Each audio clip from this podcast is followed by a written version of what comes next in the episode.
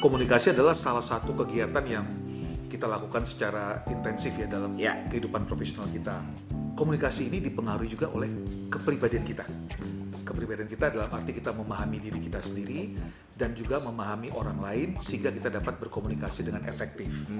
Nah untuk itu ada satu alat atau eh, instrumen yang bisa membantu kita untuk Oh. lebih memahami diri kita dan orang lain yaitu the Myers-Briggs Type Indicator Eh, dikembangkan oleh Myers-Briggs untuk mengetahui tipe-tipe eh, seseorang berdasarkan kecenderungannya. MBTI ini eh, bukan alat yang bersifat judgmental, non judgmental. Artinya apa? Tipe tertentu tidak ada yang lebih baik daripada tipe yang lain. Oh. Jadi MBTI itu sendiri ada 16 tipe nanti. Kombinasi dari eh, 8 huruf menghasilkan 16 tipe. Pernah dengar nggak? Extrovert atau introvert? Sering. Nah, apa itu extrovert sama introvert? Itu adalah bagaimana kita mendapatkan energi dan memusatkan perhatian. Orang yang extrovert itu dia fokus pada energi dan perhatian mereka ke lingkungan sekitar. Nah, kebalikan dengan introvert tadi. Ya. Kalau orang introvert itu fokus dan energi mereka pada dalam diri mereka sendiri. Nah, setelah Anda mendapatkan energi, sekarang bagaimana cara Anda menerima dan menggali informasi? Itu adalah sensing dan intuition. Sensing itu apa sih? Orang dengan kecenderungan sensing itu lebih suka mengambil informasi dan menggunakan panca indera. Sense. Panca Oh. indera. Kita punya lima panca Iya, indera kan? Apa kecenderungan orang sensing? Dia melihat mengumpulkan fakta dengan detail, praktis dan realistis, bersikap spesifik saat berbicara dan menulis, menyukai prosedur dan rutinitas yang teratur. Uh, intuition, dia lihat pola Oh ya. uh, komunikasinya, makna, Uh, bukan hanya informasi. Ya misalnya ini ada meja, ada laptop, ada alat tulis. Ini apa? Oh ini meja kantor tempat untuk bekerja. Tempat. Ah jadi bukan sekedar orang sensing kan lihat oh ada komputer, ada apa. Tapi kalau orang N lihatnya ini adalah ruang bekerja. Ya, kita akan masuk yang ketiga. yang ke eh, yang kelima dan Iya, keenam. Nah nanti eh, tadi kan sudah mengambil informasi. Setelah punya informasi kan kita harus mengambil keputusan. Betul. Nah itu ada thinking dan feeling. Nah orang yang suka thinking itu seperti apa? Mereka membuat nggak jelas tuh ya thinking berdasarkan logika objektif dan impersonal. Menggunakan logika, fokus pada fakta dan prinsip. Thinking ya, Uh-huh. jelas kan bagian otak. Fokus pada masalah dan tugas, bukan hubungan.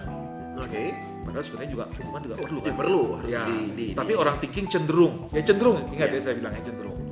Nah, mungkin tidak mempertimbangkan dampak pada orang atau emosi dalam pengambilan keputusan mereka. Nah, mereka percaya pada keadilan, keadilan, keadilan dan kesetaraan. Orang feeling pada kontinum yang satunya lagi, dia melihat dengan berpusat pada manusia dan berbasis nilai. Katakanlah Mas Rudi, manajer HRD, Aha. disuruh mencat orang. Karena kita terpikir kan, dia punya anak berapa? Ya, betul. Dia kesalahannya mungkin nggak terlalu banyak yang harus dipikirkan di Nah, belakangnya itu, ya. nah, itu Ya. feeling kita yang jalankan. Oh, Tapi kalau oke. kalau thinking aja, oh dia melanggar peraturan perusahaan nomor pasal 1, 2 dan 3. Dia harus keluar. Ah, ah. Nah, padahal kan apa benar dia harus keluar? Nah. Lagi masa pandemi. Oh. Nah, jadi Iya, iya, ada iya, nilai iya, yang kita lihat. Nah, mereka fokus pada nilai-nilai kelompok atau organisasi.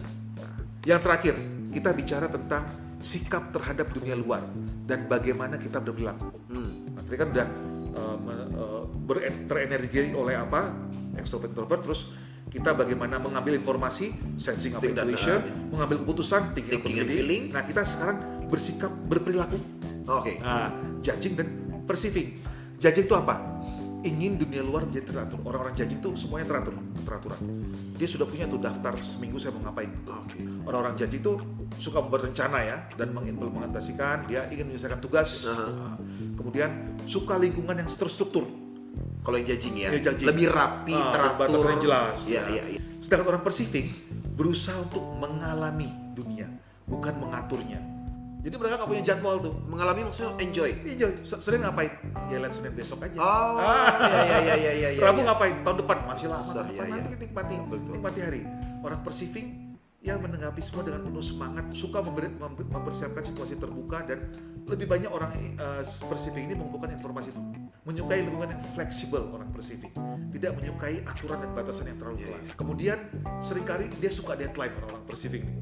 Kita kadang-kadang juga bisa bersifat judging dan perceiving, tapi kita punya suatu kecenderungan ke arah mana kita. Pasti ya, semua Pasti. orang pasti punya Ada kecenderungan. kecenderungan. Apakah dua-duanya ada dalam diri kita? Ya, Ada. ada. Tapi pasti ada yang cenderungan yang lebih yang mana? ke Oh. kontinum yang mana, ke kiri Iya, atau ke kanan. Ya, betul, betul. Nah, itu sekilas uh, gambaran tentang MBTI nih Mas.